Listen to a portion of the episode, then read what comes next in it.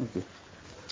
בפרשת השבוע, פרשת תרומה, מבקש הקדוש ברוך הוא ממשה שיביאו למשכן שלוש סוגי מתכות, זהב וכסף ונחושת. שלושתם לצורך בנייה של דברים במשכן. עולה מכאן השאלה שהמשכן קרוי מקדש והמקדש קרוי משכן. במקדש השתמשו בעיקר בדברים של עשירות, בזהב, בדברים אפילו שלא היו מכלי המקדש, כפי שהרבי יביא בהמשך, לא היו כלי זהב, היו כלי זהב. אם כן, מדוע נדרשו במשכן, שהוא כמו המקדש, להביא סוגי מתכות של כסף ונחושת, שזה פחות מזהב? אז בזה הרבי מעריך מכל הכיוונים מה בעצם היה הצורך במתכות, וגם שהרבא מנסה להסביר בסוגים מסוימים, וגם אחר כך פורך את זה, שאולי לא היה מספיק זהב, לכן נדרש כסף, והרבא מראה שזה אחרת. אולי היה צריך להעלות ולתקן את סוגי המתכות אפילו של הנחושת, שבבית המקדש או המשכן היו צריכים להיות יותר. לכן זה, השיחה נסובה סביב האופן הזה. אנחנו באות א', מסוג הדומם שהשתמשו לעשיית המשכן, בין יתר הסוגים היו שלושה חומרים, זהב, כסף ונחושת. ידוע שהמשכן יקרי מקדש, ומקדש יקרי משכן. שגם המשכן היה נקרא מקדש, וגם בית המקדש היו קוראים לו גם משכן. מכך יש להסיק שאותן מעלות שהיו בבית המקדש היו בדומה להם גם במשכן. יש להבין מדוע, יש להבין, ידוע שבבית המקדש נעשה כל דבר באופן המבטא עשירות, ככל האפשר. עד כמה זה היה של ביטוי העשירות? עד כדי כך שהשקו את התמיד בכוס של זהב, כיוון שאין עניות במקום עשירות. כלומר, אפילו כלי שמיועד להשקעת בהמה בלבד, לפני שחיטתה כקורבן, היה עשוי מזהב. קורבן התמיד זה היה קורבן בבוקר, שהיה פותח את היום בהקרבת הקורבנות, וקורבן שאחר בין הארבעים היה גם זה שמסיים את הקרבת הקורבנות. אז את הקורבן הזה היו משקים לפני השחיטה. למה משקים אותו? כדי שהאור ירד יותר בקלות. ואיך היו משקים אותו? היו לוקחים כוס של זהב, למרות שאין שום ציווי להשתמש בזה ככלי בית המקדש, היו לוקחים כוס של זהב, ואיתו היו משקים את הקורבן. רואים מכך שאפילו דברים שלא קשורים לצורך הקרבת קורבן או עבודת בית המקדש, היו משתמשים בכלי זהב. למרות שכוס זו לא הייתה כלי המקדש, אלא רק לצורך בהמה שהקריבוה לאחר מכן. ויותר מכך, השימוש בכלי לא היה לעבודה במקדש, אלא רק לצורך הפשטת האור, ואף ההפשטה עצמה לא כעיקר, אלא כגורם לתועלת בלבד. בכל אופן, כמה שזה אפילו לא היה נצרך, ההשקעה הייתה מקילה על הפשטת האור מהקורבן, ועשו אותו גם בכל אופן, גם עם כוס של זהב.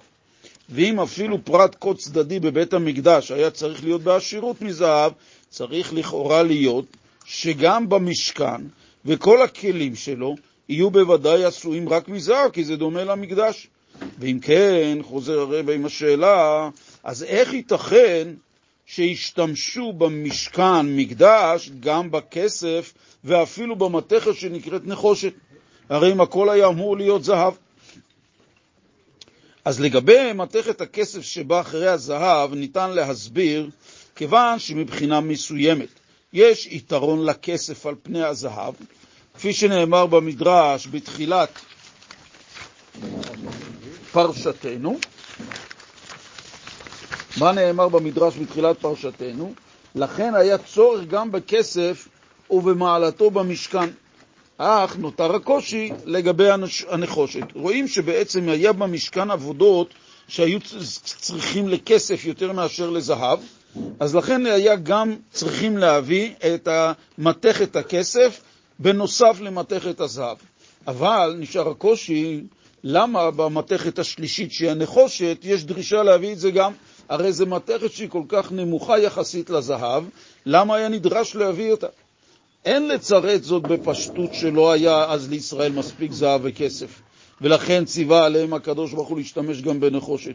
שהרי אז היה לישראל, כנאמר בגברה, כל כסף וזהב שבעולם, וכמות זו של זהב וכסף ודאי הספיקה לכל פרטי המשכן.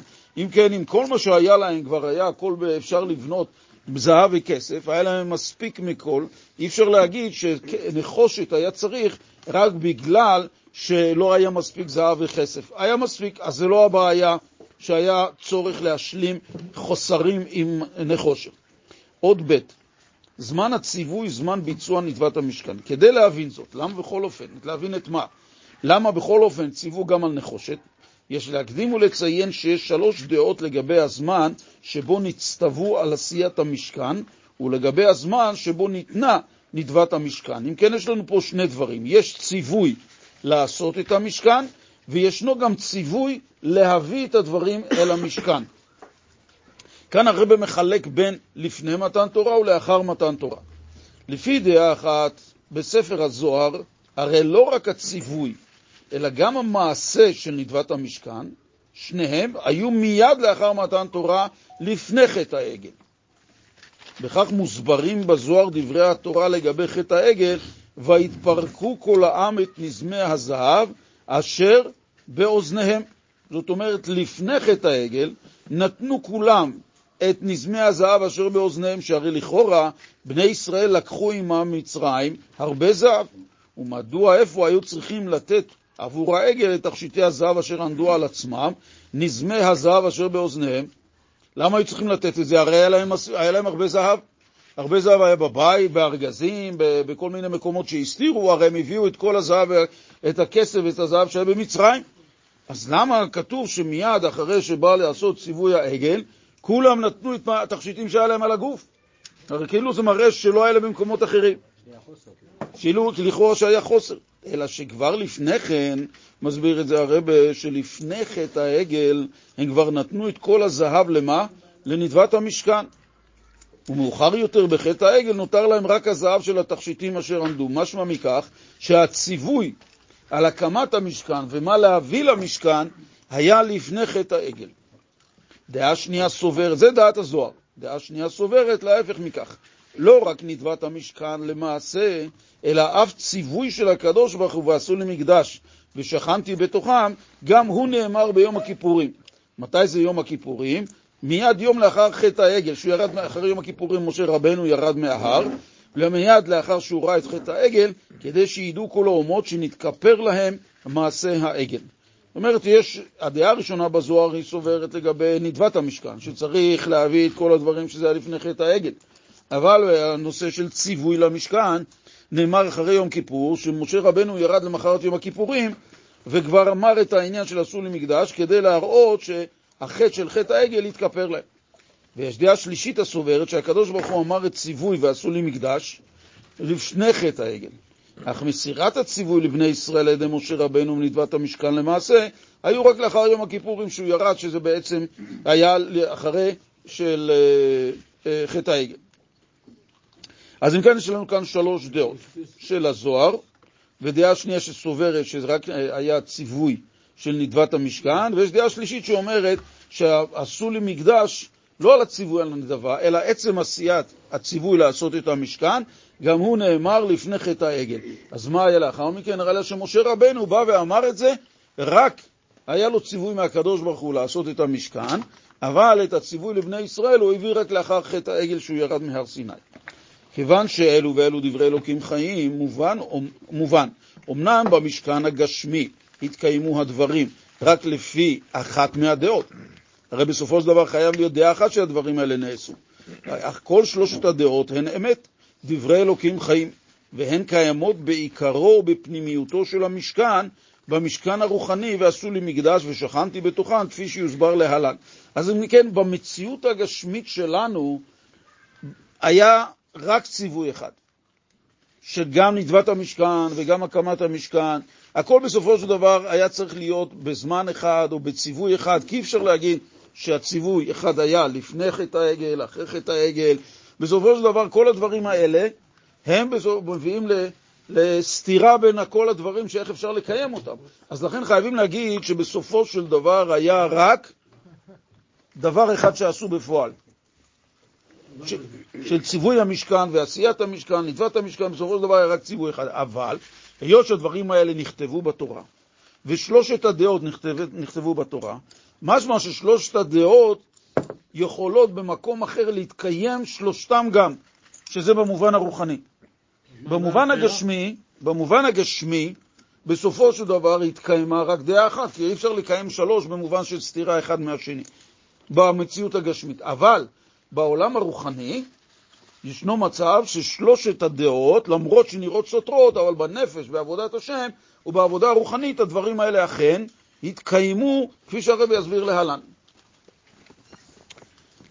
ג' לאחר מתן תורה, אוקיי? Okay? Yeah. לאחר מתן תורה, לפני חטא העגל, היו כל ישראל בדרגת צדיקים. אמנם לפני כן במצרים הם היו במצב שבו אלו עובדי עבודה זרה ואלו חלילה, אותו דבר גם. אך יציאת מצרים ומתן תורה יצרו אצל בני ישראל מצב של גרות.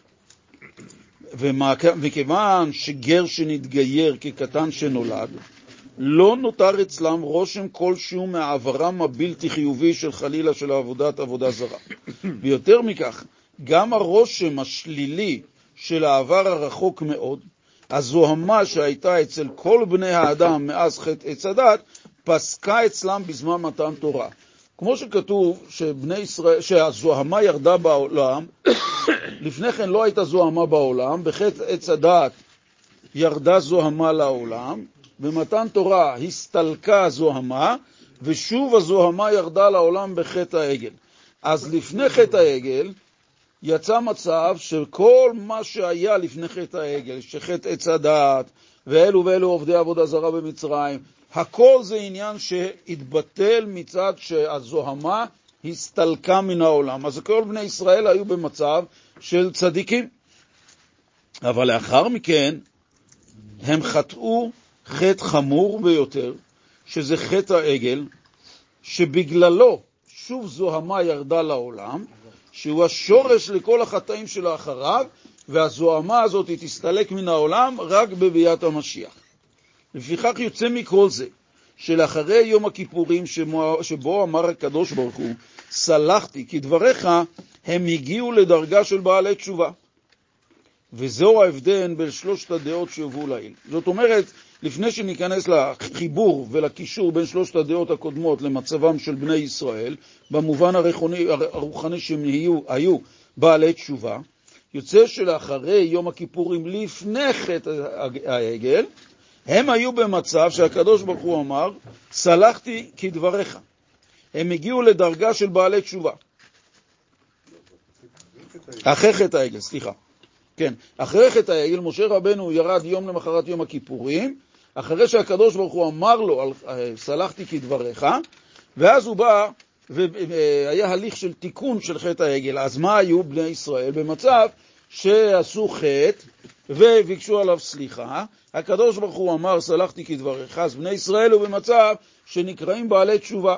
שכל אחד שחלילה שעובר חטא ומבקש לחזור עליו, אז הוא נקרא, עשה תשובה על אותו חטא. אז בני ישראל היו במצב, לאחר חטא העגל שהתחרטו, היו במצב של בעלי תשובה.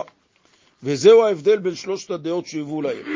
לפי הדעה שגם נדבת המשכן התרחשה לפני החטא העגל, יוצא שהמשכן נעשה על ידי צדיקים, כי לפני חטא העגל לא הייתה זוהמה. ואם לא הייתה זוהמה, אז בני ישראל בחזקת של צדיקים.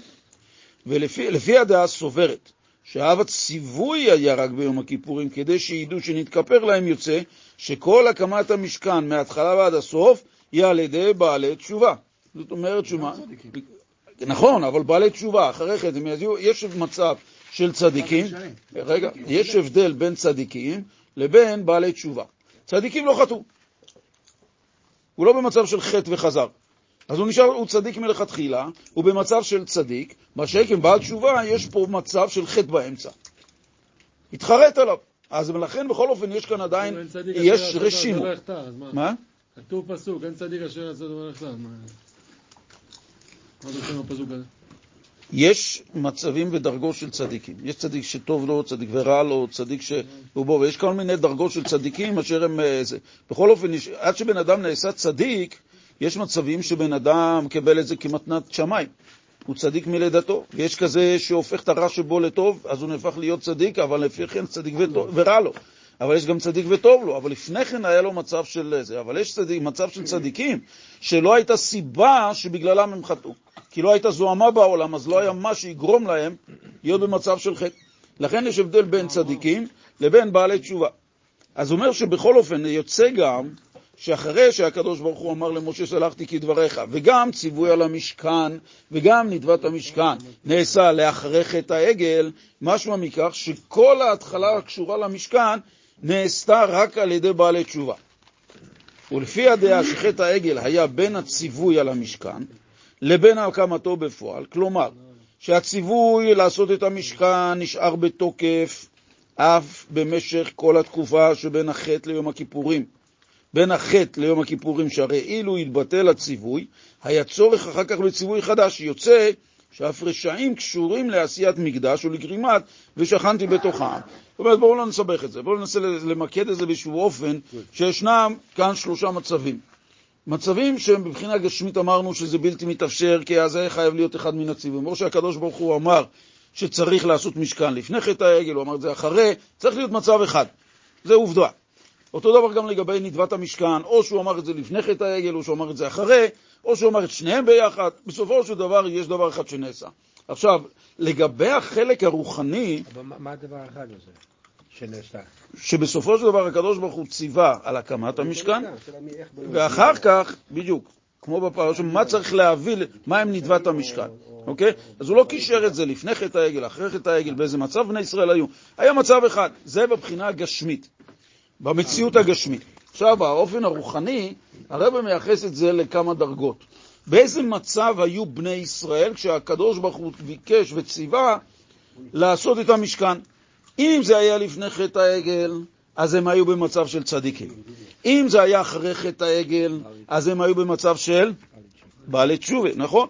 ולפי, וגם אם זה היה בין חטא העגל, לפני, זאת אומרת, היה ציווי ראשוני לעשות משכן, לפני חטא העגל, ואחרי חטא העגל היה לעשות את נדבת המשכן, משמע מכך שבין לבין הם עדיין לא במצב של צדיקים ולא במצב של בעלי תשובה, אז הם היו במצב של רשעים. יוצא מכך שגם הציווי, גם רשעים היו בהליך של דרישה להקים את המשכן. זאת אומרת, הם היו במצב של לכאורה רשעים, בגלל שהם עדיין לא עשו תשובה, ועדיין זה היה, לא ניתן עדיין הציווי אחרי חטא העגל להביא את נדבת המשכן, אז יוצא שבני ישראל היו במצב לא של צדיקים, לא של בעלי תשובה, אז נשאר רק רשעים. אז יוצא מכך שהרבא מסביר שגם דרגת הרשעים תרמה לבניית המשכן. רק הרבי יכול לראות. תרמה ובנתה, כן, כמובן, בסדר. אוקיי, עכשיו אנחנו נהפוך דף 164, כן. עוד ד' ועשו לי מקדש בכל הדרגות. ההוראה נלמדת מכל אחת משלוש הדעות בעבודת השם. עכשיו הרב לוקח אחרי ההסבר של המצב הרוחני, מה זה היה מבחינה רוחנית, עכשיו איך, כל, איך זה משתייך לעבודת השם אצל כל אחד מאיתנו. כאשר יהודי מגיע לדרגה של צדיק, מה זה דרגה של צדיק? אין לו יצר הרע, אוקיי? למה אין לו יצר הרע? כי מה הוא עשה? הוא, כמו שדוד המלך אמר, כתוב את זה בתניא, וליבי חלל בקרבי, שאין לו יצר הרע, כי הרג אותו בתענית. זאת אומרת, אין לו יצר הרע. מה זאת אומרת אין לו יצר הרע? לא שהוא, מה שעשה לו, כרת אותו והעלים אותו ופוצץ אותו, אלא הכוונה היא שיצר הרע הפך להיות יצר הטוב. מה זה יצר טוב? יצר הטוב רוצה רק קדושה. יצר הטוב לוקח את היהודי רק למקומות של חיוב, רק למקומות טובים, רק למקומות שקשורים בקדושה עם הקדוש ברוך הוא. אז לפני כן היה לו יצר אחד כזה ויצר אחד כזה. אבל עכשיו היצר השני, שהוא היצר הרע, גם הוא נהפך למצב שהוא רוצה רק קדושה. זאת אומרת, צדיק, שכל הגוף והנפש שלו פועלים אוטומטית על פי רצון השם.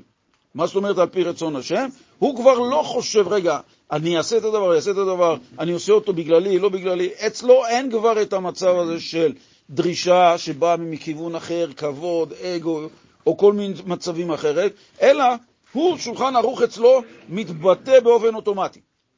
הוא כבר פועל מתוך שולחן ערוך מכיוון שאין משהו בנפש שלו שיגרום לו לנסות להימנע או לא לעשות, או לעגל פינה, או כו' וכו'. זה מצב שאין רע בתוכו. מה זאת אומרת אין רע? אין יצר הרע שיקח אותו לאיזשהו מקום. זה צדיק. כפי שהיו ישראל במתן תורה, אמרנו מקודם שהזוהמה הסתלקה, אז בני ישראל היו בדרגה של צדיקים בזמן מתן תורה, כאשר פסקה זוהמתן. אז הוא עלול לחשוב, כיוון שהוא בדרגה כזאת נעלית של צדיק, אז מה רצוי שהוא יעסוק? רק בעניינים רוחניים ויתנתק מעניינים גשמיים.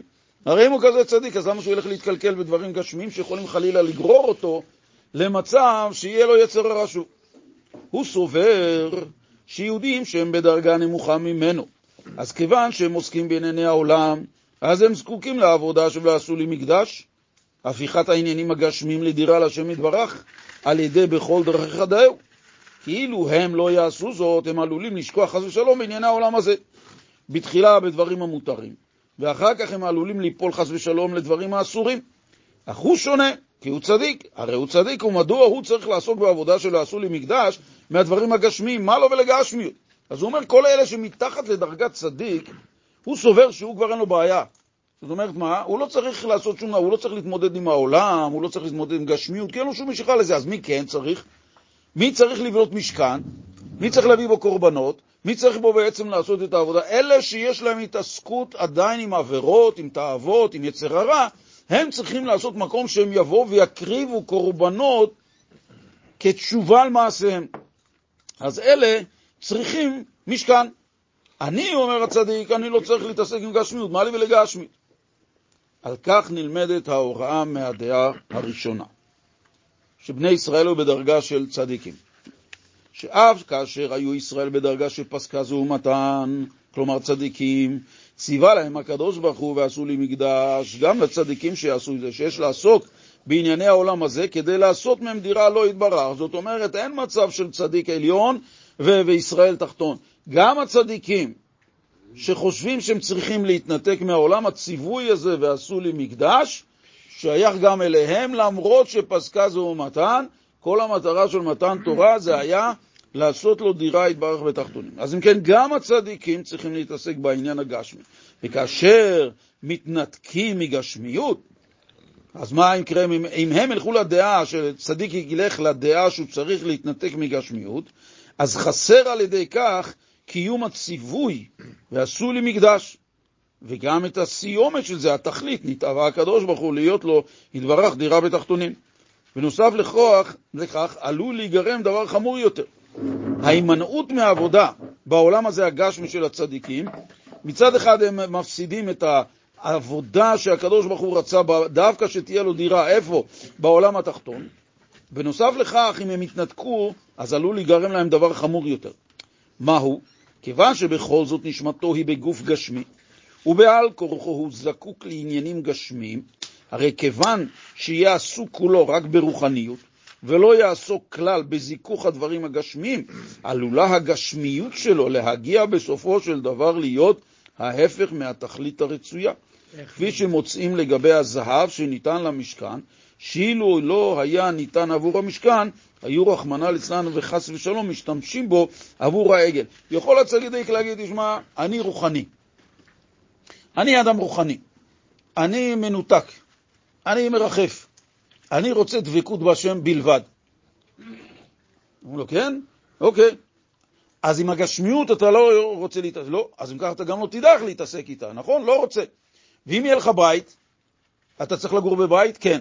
ומה תעשה בבית שלך? לא יודע, אני לא יודע מה משתמשים בבית. אם תביא את הבית שלך ויאכלו שם אנשים ויעשו מזה איזושהי ארוחת טרף, אתה תדע איך להתנהג איתם? אתה תדע איך להגיב לגבי מצב שיש בו גשמיות? לא. למה אתה לא תדע? כי אתה רק בעולם הרוחני. בעולם הרוחני לא קיים מצב מה מתנהגים בבית. דבר שני נוסף, כל דבר שהוא אחר כך ייתקל בעולם גשמי, אפילו יבוא עני ויגיד אני רוצה אוכל, והוא לא ידע מה, מה, מה זה העני הזה.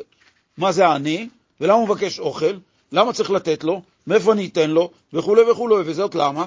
כי הוא לא מונח בעולם הגשמי. צדיק סגור בתוך הדלת שלו, בתוך החדר שלו, ולא יודע על הדברים הגשמיים שהוא אמור להתמודד איתם. אז מה יכול להיות מצב הפוך על הפוך? שהדברים הגשמיים האלה יכולים לפעול נגדו. למה? כי הוא לא יודע איך להשתמש בהם. כי למה? כי הוא מנותק מהם. Yeah? מצד שני, אפשר לחשוב שדווקא הצדיק זקוק לעבודה שבעשו לי מקדש כדי לוודא שענייניו הגשמיים לא יהפכו לדברים המנוגדים לטוב ולקדושה. זאת אומרת, דווקא הוא צריך לעשות את זה, כדי שהדברים שלו לא יהפכו להיות חס ושלום להפך הקדושה. ולעומת זאת, בעל תשובה, ששרוי בתשובה מתמדת, בהתרחקות מהרע, ואומר על הדברים האסורים, אי אפשי, אני לא רוצה, הוא אינו זקוק לאזהרה כזאת. על כך נלמדת ההוראה מהדעה השנייה, שאדרבה, דווקא ביום הכיפורים, בזמן שנאמר בו לראשונה, סלחתי כדבריך, דווקא אז נאמר הציווי על עשיית המשכן, כי בכך תלויה שלמות התשובה והכפרה. זאת אומרת, זה על הבעל תשובה, לא צריך להגיד לו איך אתה עם העולם הגשמי, כמו עם הצדיק, אתה צריך לדעת להתעסק איתו, מכיוון שמה? כל העניין של התשובה, בעל תשובה הוא מתרחק מהדבר הרע. מה זה הדבר הרע? זה הדבר הגשמי, העולם הגשמי שהוא השתמש בו לא נכון. הוא השתמש בעולם באופן לא נכון, זה נקרא עבירה. זה נקרא שהוא עושה את הדבר, משתמש בעולם הגשמי בניגוד לציווי של הקדוש ברוך הוא איך להשתמש בו. אז הוא לוקח את הדבר בעולם, משתמש בו בצורה לא רצויה, נקרא שהוא עשה עבירה, ואז עכשיו הוא עושה תשובה על הדבר הזה. אז לכן אותו לא צריך להזהיר עם העולם הגשמי, כי ממילא הוא היה בו, ממילא הוא נמצא בו. אך עדיין אפשר לחשוב שכדי להתחיל בעבודה שבעשו למקדש, צריך לפני כן לשוב בתשובה שלמה ולהגיע לסלחתי כדבריך. ואילו עד אז, ולרשע אמר אלוקים, מה לך לספר חוקיי? אומר, יכול להיות מצב שהוא יכול לחשוב מתי אני בעצם צריך לחזור בתשובה. כדי להתחיל בעבודה של ועשו לי מקדש, צריך להגיע למצב של תשובה שלמה עד שהקדוש ברוך הוא יגיד סלחתי כדבריך, ורק לאחר מכן, אם אתה סולח לי, אז אני הולך לעשות את המשכן. אז ככה הוא יכול לחשוב. שעד ש... מתי הם התחילו את ציוות של המשכן? אחרי שהקדוש ברוך הוא אמר למשה, סלחתי כדבריך, ואז משה ירד. יגיד בעל, התשוב... יגיד בעל תשובה, אני לא אתחיל לעשות שום עבודת השם, שום עבודה בעולם התחתון, עד שהקדוש ברוך הוא לא יסלח לי על מה שהיה. למה? והוא לומד את זה ממי? ממשה רבנו. משה רבנו לא התחיל את המשכן, ולא הביא ציווי, ולא התעסק איתו, עד שהקדוש ברוך הוא ראה שבני ישראל עשו תשובה ואמר, סלחתי כדבריך. על כך נלמדת ההוראה מהדעה השלישית, שהציווי ועשו לי מקדש לא יתבטל אף לרגע חס ושלום. ואף לפני התשובה אפשר וצריך לקיים את הציווי ועשו לי מקדש, ולהביא בכך בסופו של דבר לקיום ושכנתי בתוכם, כפסק אדמו"ר הזקן, שאף רשע צריך ללמוד תורה ולקיים מצוות, כי בסופו של דבר המאור שבא מחזירו למותר. אנחנו מכירים את זה שבן אדם יכול להגיד, תראה, אני, איך אני אניח תפילין? לא נעים לי להניח תפילין, הוא אומר כמה, למה? כי הוא מחלל שבת. אז אם אני מחלל שבת, אני לא יכול להניח תפילין, לא, זה לא על המצפון שלי ואני לא יכול לעשות את זה. אדוני, יש פה שתי, שני סוגי מצוות, שתי סוגי מצוות. יש מצוות תפילין ויש מצוות שבת. אף אחד לא נוגע בחברתה. אין שום קשר אם אתה עושה את זה או לא עושה את זה. וההפך, המאור שבתורה מחזירן. אז אם כן, תניח תפילין, ואל תחכה לשלב הבא שתגיד, עד שאני אשמור שבת. אלא, תור, כי למה? כי עשו לי משכן ושכנתי בתוכם. זה ציווי שלא נפסק אף פעם. מה זאת אומרת לא נפסק אף פעם? לא משנה באיזה מצב אתה נמצא. אני נמצא במצב ירוד, מתוסכל, אה, עצוב, אה, בלחץ, כל הדברים שאפשרים להיות, אבל אין לך שום היתר בגלל זה לא להניח תפילין. לא משנה באיזה מצב אתה נמצא, אתה חייב לשמור שבת. זאת אומרת, הציווי ועשו לי משכן לא מוגדר באיזשהו מצב שאתה פטור ממנו. אתה במצב שאתה מתוסכל, עצוב, אני לא יודע מה, מענייני העולם, פרנסה, כאן אתה פטור עד שתחזור בתשובה. לא. עשו לי משכן, זה ציווי תמידי, כמו ליתר ציוויים שישנם בתורה. לכן האדם לא צריך לחכות עד למצב. וההפך מכך, דווקא ועשו לי משכן במצב של חושך, שהרב ימשיך בהמשך, דווקא במצב כזה הוא, מז... הוא יכול להעיר את עצמו חזרה. מה זה להעיר? להחזיר, להוציא את עצמו ממצב של עצבות, תסכול וכו' וכו', דווקא להפוך את החושך האלה לאור, דווקא על ידי קיום המצוות. וזה הופך את זה למצב שהוא ממנו דווקא יכול לצאת. אות ה'. Yeah. אתה המפקח שלי, כן? המשמעות הפנימית של, אות ה', המשמעות הפנימית של אלו ואלו דברי אלוקים חיים, כי אמרנו ששלושת הפירושים, אלו ואלו דברי אלוקים חיים, למרות שנראים סותרים, אינה רק שכל אחת מהדעות השונות היא אמת, אלא אף שבפנימיותם הן כולם עניין אחד. כי ניתנו מרועה אחד, כל אחד נתנן. מכך מובן ששלוש הדעות של העיל, שאמרנו מקודם, אינן מהוות רק שלוש הוראות שונות לשלושת הסוגים השונים של ישראל, אלא אף יותר מכך, כל שלושת הדעות וההוראות הללו קיימות גם באותו משכן יחיד. למרות שזה נראה כאילו דעות שונות, שמה שצריך היה לעשות שלא שנוח אחד לשני, לא, לא, לא. היות שמדובר על משכן אחד, והציוויים על המשכן, למרות שנראים שונים, כולם שייכים לאותו משכן, לאותו ציווי שיש במשכן. לכן רואים שבארון, אשר עיקר החפץ, החפץ במשכן הוא מקום מנוחת השכינה שהוא הארון. זה המקום הכי חשוב במשכן, זה הארון. באו לידי ביטוי כל שלושת העניינים הללו. בארון היו שברי לוחות ראשונים. דרגתם, מה זה של לוחות ראשונים? מתי זה היה של ישראל כפי שהיו לפני החטא, שהיו צדיקים. אך עם זאת היו אלה שברי לוחות, והרי שבירת הלוחות נגרמה מחטא העגל. וכך רואים שבארון יש מקום גם עבור יהודים שאצלם הלוחות שבורים, כפי שהיו ישראל לאחר החטא. וכאן היו בארון הלוחות השניות שניתנו ביום הכיפורים דרגת בעלי תשובה, כפי שהיו ישראל לאחר סלחתי כדבריך. רגע, אז איך פה שלושת ה... רגע, יש לנו את המצב של צדיקים, נכון? שאמרנו לפני חטא העגל פסקה זו ומתן, אז אלה הלוחות הראשונים שהיו בשלמותם, אז בני ישראל קיבלו עדיין את הלוחות הזה כמו צדיקים. אבל היו גם את המצב שחטא העגל, ואז היו בארון הזה גם לוחות, היו הלוחות שהשבורים, שברי הלוחות, כפי שבני ישראל היו אחרי חטא העגל, שהם היו במצב של בעלי תשובה, אוקיי? עכשיו, במצב השלישי, רגע, 166, זהו ההסבר לכך, כפי ששאלנו באות הראשונה, הרי. במקדש היו רק כלי זהב, אז הוא עונה על זה, למה צריך אה, זהב, כסף ונחושת בנוסף? זהו ההסבר לכך שבמשכן וכליו היו עשויים מזהב בלבד, אלא אף מכסף ואפילו מנחושת, כי שלושה מינים אלו רומזים, רומזים לשלושת הסוגים של ישראל, כדי להלן בסעיף ט', וכולם צריכים קשורים למשכן כדי להעיל. זאת אומרת, אה, מה שהצגנו מכל מה שהרבי הביא את שלושת הדעות, את שלושת הסוגים של בני ישראל, לכן בגלל שלושת הסוגים האלה זהב, יש סוגים של בני ישראל שבמצב של זהב, יש כאלה שבכסף ויש בדרגה של נחושת. לכן במשכן דווקא היה צריך את שלושתם, כפי שהוא מסביר בהמשך. אוקיי, ו' ההבדל בין שלושה מינים אלו, זהב, כסף ונחושת, מה ההבדל ביניהם? כמוסבר פנימיות העניינים, משתקף גם כבכל ענייני פנימיות התורה, גם בניגלה שבתורה עד להלכה למעשה. כל זה הסברנו לך בנושא של פנימיות. מה עכשיו נקרא העניין של ההלכה למעשה? באופן של נגלה לגבי הזהב וכסף אומרת הגמרא, שבכל אחד מהם יש מעלה לעומת האחר. מעלת הזהב היא אותו חשוב יותר מהכסף, ומעלת הכסף היא אותו יותר חריף. יוצא בהוצאה ועובר לסוחר. לכן יש שתי דעות. כאשר מעריכים כסף וזהב זה לעומת זה, איזה מהם מכריע יותר הוא טבע מטבע, ואיזה מהם הוא פיר הפירות. דעה אחת קובעת שמפני שהזהב חשוב יותר, לכן הוא נחשב כמטבע לעומת הכסף. ואילו לפי דעה שנייה, בכך היא ההלכה, אף לעומת הזהב, הכסף נחשב טבעה מפני שהוא חריף. זאת אומרת, יוצא שיש פה, תכף נראה בהמשך מה בעצם בסופו של דבר, מה יותר, חריף, מה יותר חשוב, כסף או זהב, אבל בכל אחד יש לו את המעלה אחד על השני. בנוסף לכך, שההלכה נקבעה לפי הדעה השנייה, שהכסף טיבה מטבע לעומת הזהב, כי בנושא זה חשובה בעיקר עובדת היותו חריף. הרי יש בכסף לכל הדעות מעלה על פני הזהב, אף לפי הדעה שהכסף הוא פירות, לעומת זהב, הרי פשוט שלגבי פירות ממש, או לגבי עצמו, הוא בוודאי נחשב מטבע, לעומת הזהב, שלגביו יש דעה שהוא נחשב כפירות, ואפילו לגבי פירות ממש, או לגבי עצמו.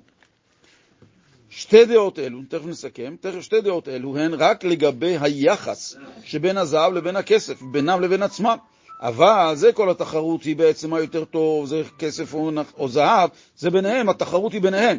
אבל לגבי נחושת, כולם סוברים שנחושת היא, היא פירות, לעומת הכסף, ואף לעומת הזהב, לפי מספר דעות, וכך נקבע להלכה, נחושת היא בדרגה נמוכה משניהם.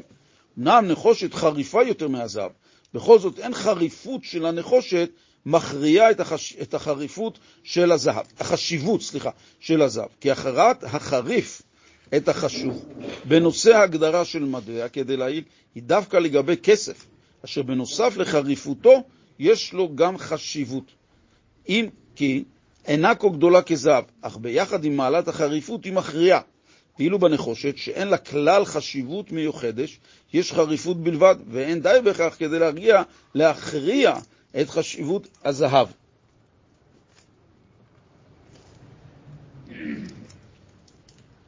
טוב, כאן בעצם הרבי מתחיל להסביר, הוא רוצה להגיע לאות ט' כדי להסביר את זה יותר, ששלושת הדרגות האלה של זהב, כסף ונחושת שייכים לכלל בני ישראל. עכשיו הוא מסביר בעצם יש שלוש דרגות בבני ישראל, שבדרגות זהב וכסף ונחושת, אבל יש בכל אופן מעלה אחד על השני. בנושא של כסף וזהב, יש מעלה של הזהב על הכסף, כי יש לו חשיבות מצד עצמו כמטבע, אבל יש לכסף גם מעלה על הזהב, וכאן כך גם ההפך. אבל לגבי נחושת כולם מסכימים שהנחושת היא מבחינת הדרגת החשיבות שלה, היא, היא הכי נמוכה, אוקיי? אנחנו לא ניכנס כרגע לנושא של חריפות, כי יש לזה הסברים מה בדיוק כל דבר, אבל בואו נשאר בכלל שמסביר את הדרגות שלהם, שכסף וזהב, יש מעלה של אחד על השני, מצד זה של דווקא, דווקא שאנחנו רואים היום שזהב נחשב כאילו יותר מכסף אוטומטית. יש גם לכסף, כי היה צריך אותו במשכן, בכל אופן, לכן יש לו גם מעלה על הזהב שהיה. בואו נראה הלאה. זהב, עוד זין, זהב, כסף ונחושת נשתלשלו במקורם ברוחניות. כל העניינים בגשמיות ידוע שהם נובעים מהמקור שלהם ברוחניות. כדברי אדמו"ר הזקן, שנשתלשלו מהן, מהשורש. מכך מובן שההבדל בין הזהב לבין הכסף בגשמיות, שמעלת הזהב היא חשיבותו בלבד, אך אין הוא עובר לסוחר, כמו שכתוב, כסף עובר לסוחר, לעומת הכסף שאינו כה חשוב כזהב, אך מעלתו היותו עובר לסוחר, נובע מכך שברוחניות העניינים שהם בבחינת זהב חשובים ונעלים מהעולם, כי נאמר במדרש, לא היה העולם ראוי להשתמש בזהב, לכן אין הם עוברים לסוחר. ואילו העניינים שבבחינת כסף אינם כה חשובים, כלומר הם בדרגה נעלית, אך לא יותר מהעולמות, כיוון שהם קשורים לעולם, לכן הם עובר לסוחר. זהב הוא לא דבר שכל אחד בעצם מעביר אחד לשני. אין לנו כאן, אנחנו היום, אין לנו, גם בעבר לא היה. היה נדיר נדיר מטבעות זהב. היום למשל אין לנו מטבעות זהב. אנחנו לא משתמשים, מה כן אנחנו משתמשים? במטבעות כסף. אפשר לומר שהזהב זה רוחני והכסף זה מעשי? בדיוק, זה בדיוק מה שהוא אומר, זה מה שהוא הולך להגיד. מכיוון שבעולם... הנה, אנחנו יורדים לדרגה שיש לנו... הרי מה העניין של אה, ציבור? צדיקים, בינונים, רשעים, נכון? זה הראשי תיבות. אז יש לנו את שלושת הדרגות האלה. כרגע אבל הוא רוצה להלביש את הזהב על מי, את הכסף על מי ואת הנחושת על מי. אז הוא מראה שההשתלשלות שלהם היא בעצם כאן, שיש חשיבות לזהב יותר מהכסף, ולכסף יותר חשיבות מהנחושת, זה נובע מהשורש שלהם בעולמות הרוחניים, שהחשיבות שלהם היא באותו דרגה, מדורגת באופן הזה, רגע, ולכן כשהם יורדים למטה ונעשים גשמיים, אז הם גם פה מתקבלים כמו השתקפות של העולם הרוחני, במעלות שלהם, כאן הם משתקפים אותו דבר, בדרגות שלהם, אבל רק בבחינה גשמית. כמו שיש צדיקים. כן, כן. נכון, בדיוק, בדיוק, נכון, נכון, בדיוק, כמו ארבעת המינים.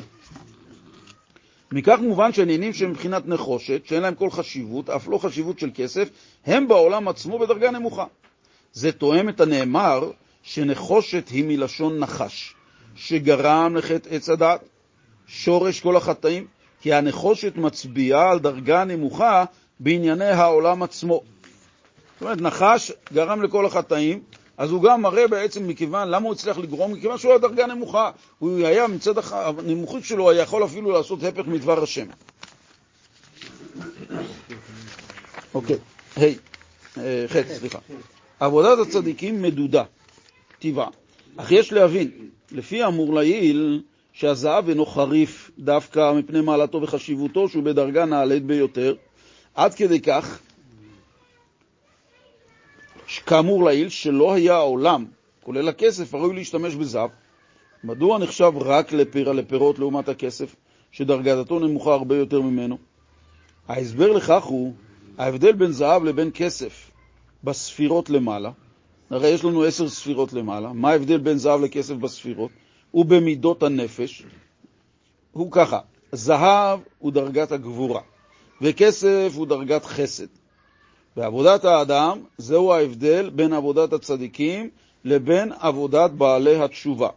עבודת הצדיקים היא, העבודה שלהם היא המשכה מלמעלה למטה, חסד וכסף, ואילו עבודת בעלי התשובה היא העלאה ממטה למעלה, גבורה וזהב. זאת אומרת, יש עבודה של צדיקים שהיא בעצם עבודתם, מכיוון שהיא איננה מעורבבת עם דברים גשמיים, אז עבודתם היא רוחנית. והתפקיד של העבודה הרוחנית שלהם זה להוריד, כמו מלשון ברכה, ברכה זה מלשון בריח, מלשון המבריח את הגפן, שזה עניין של הורדה מלמטה, מלמעלה למטה, זה עבודת הצדיקים, להוריד את הקדושה ואת השכינה כאן לעולם. זה דבר שהוא בעצם מלמטה, זה עבודת הצדיקים. אבל עבודת הבעלי תשובה זה אחרי שהצדיקים, אחרי שיורדת שכינה לעולם, או שיורדת קדושה לעולם, האדם למטה צריך להשתמש בה.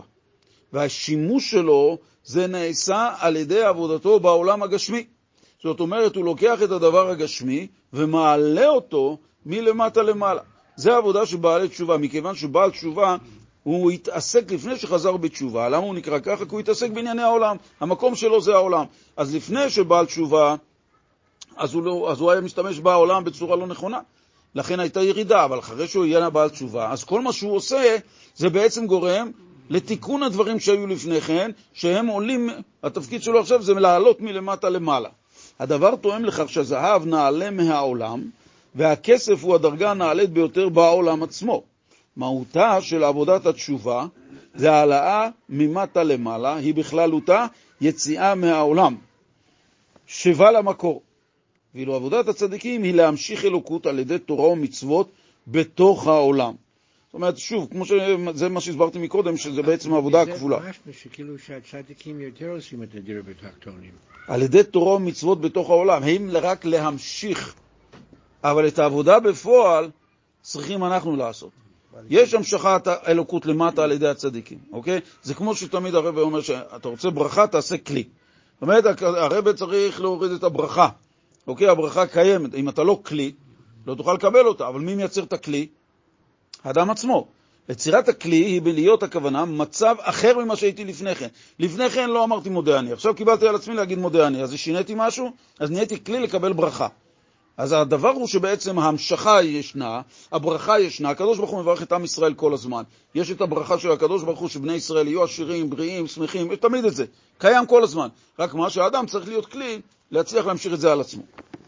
וכיוון שהכוונה העליונה מתממשת דווקא בהמשכת אלוקות למטה, אשר על כן נאמר, נשמתם של צדיקים שבהם נמלך. כתוב שלפני שהקדוש ברוך הוא ברא את העולם, הוא נמלך בנשמותיהם של צדיקים, אם לברוא את העולם הוא לא. לכן נפסק בתורה שחריפות הכסף מכריעה את, חריף, את, חשיבות, את חשיבות הזהב. בנוסף לכך, העלאה ממטה למעלה, שהיא התשובה, אינה מוגדרת וקצובה, כי הדבר תלוי בתחושתו של כל אדם, בפני עצמו, וכן מהותה היא יציאה מהגבלה.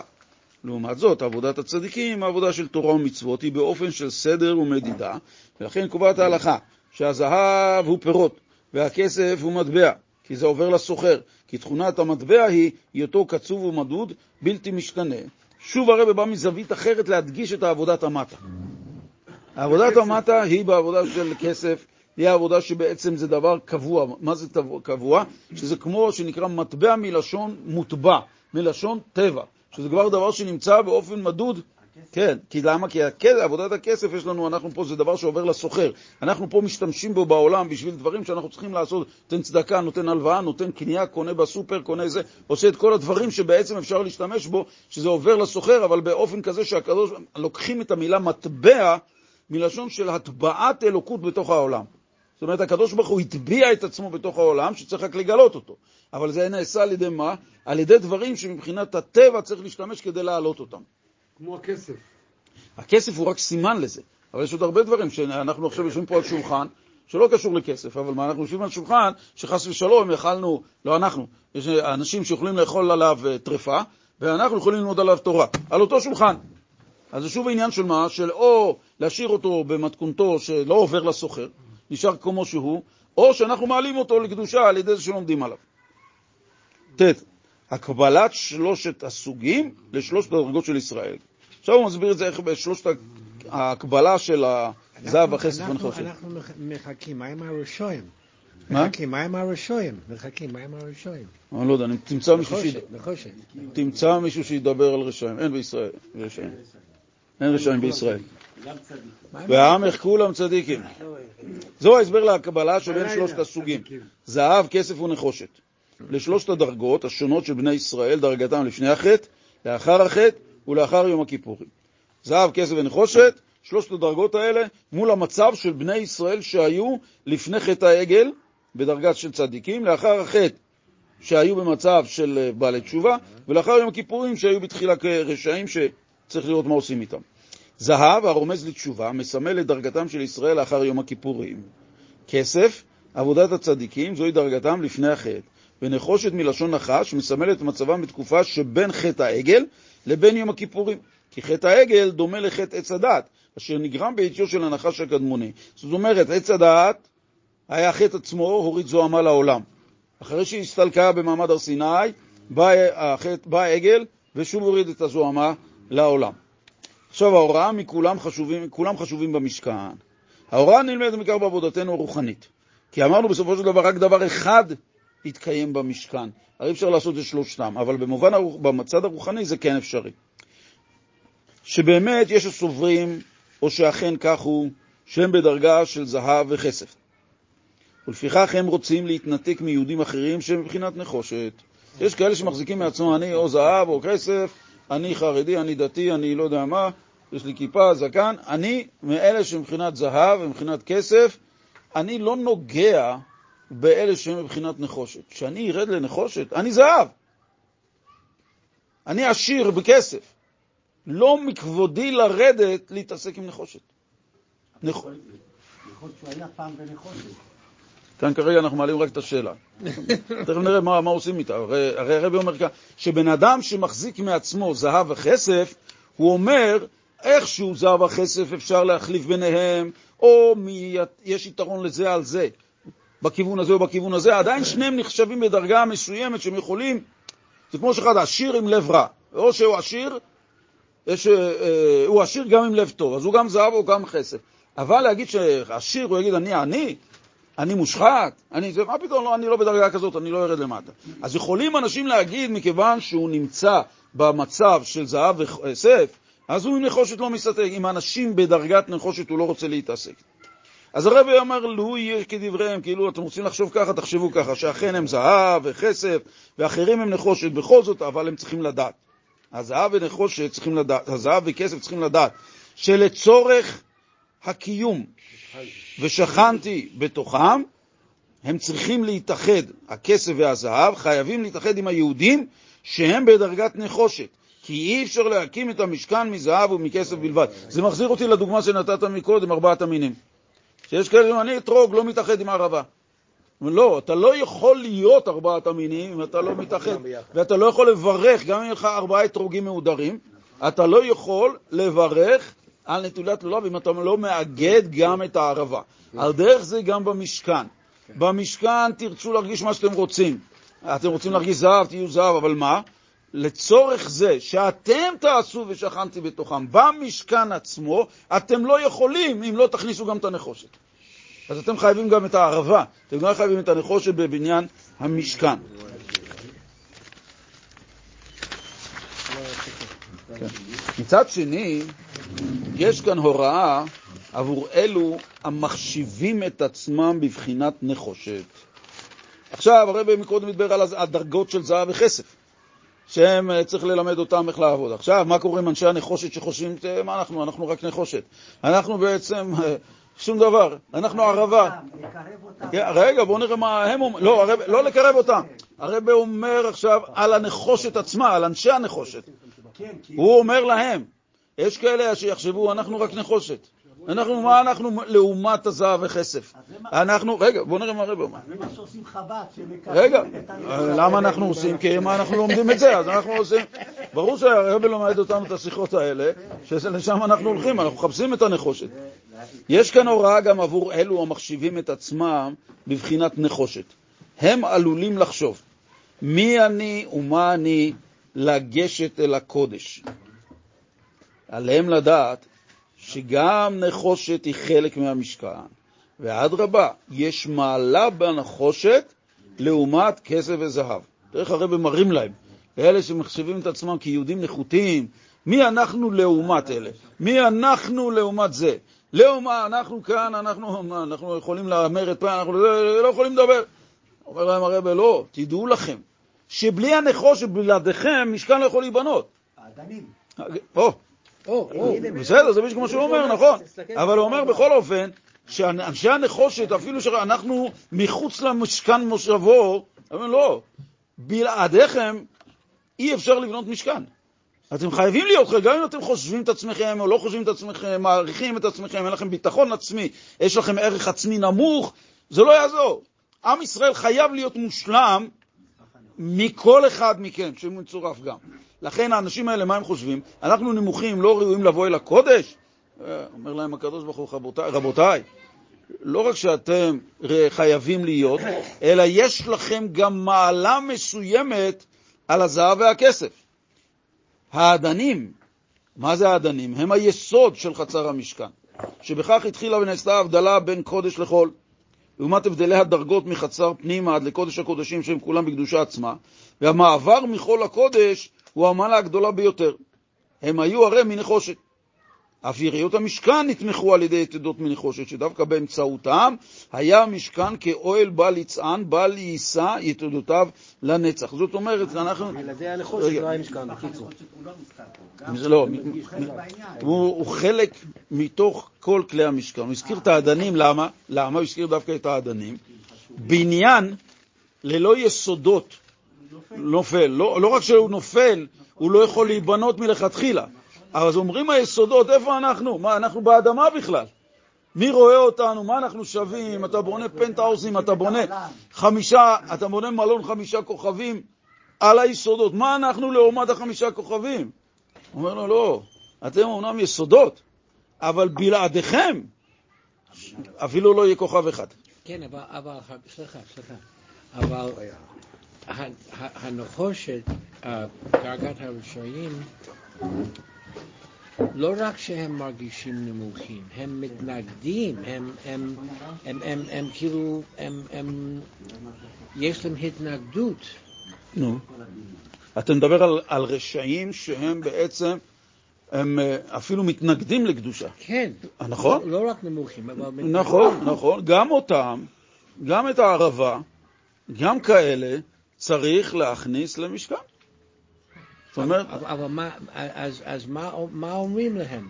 הם חושבים שהם רשעים, הם חושבים שהם לא מאמינים, הם חושבים שהמצוות, נלך את הכי קיצוני, בסדר? את הכי קיצוני, בן אדם שאומר אין אלוקים, אין שום דבר, אין כלום, כלום, כלום.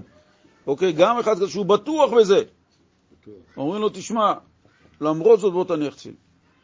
אתה גם, אתה לא יכול לפסוק לעצמך בגלל שאתה מתאר את עצמך במצב כזה, שאתה פטור מ... מ- מ- כאילו, אני, אני לא יכול, אני לא שייך.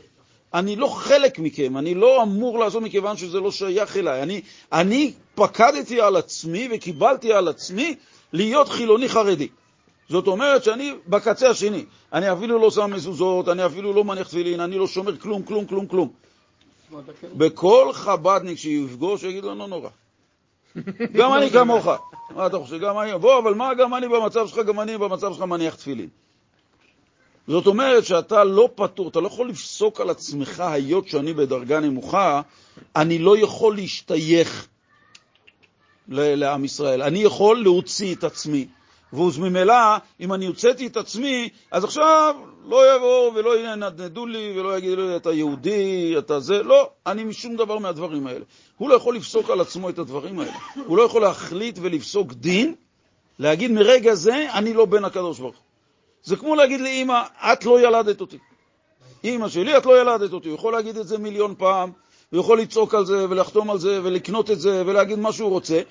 עובדה ומציאות זה משל טוב. ש... זה משל ש... טוב. היא ילדה אותו, הוא לא יכול לשנות, גם הוא יגיד. היה, היה פעם איזה, איזה אחד במקסיקו שתבע את ההורים שלו בבית משפט, למה ילדו אותו בלי לשאול אותו. למה ירדו אותו? אה,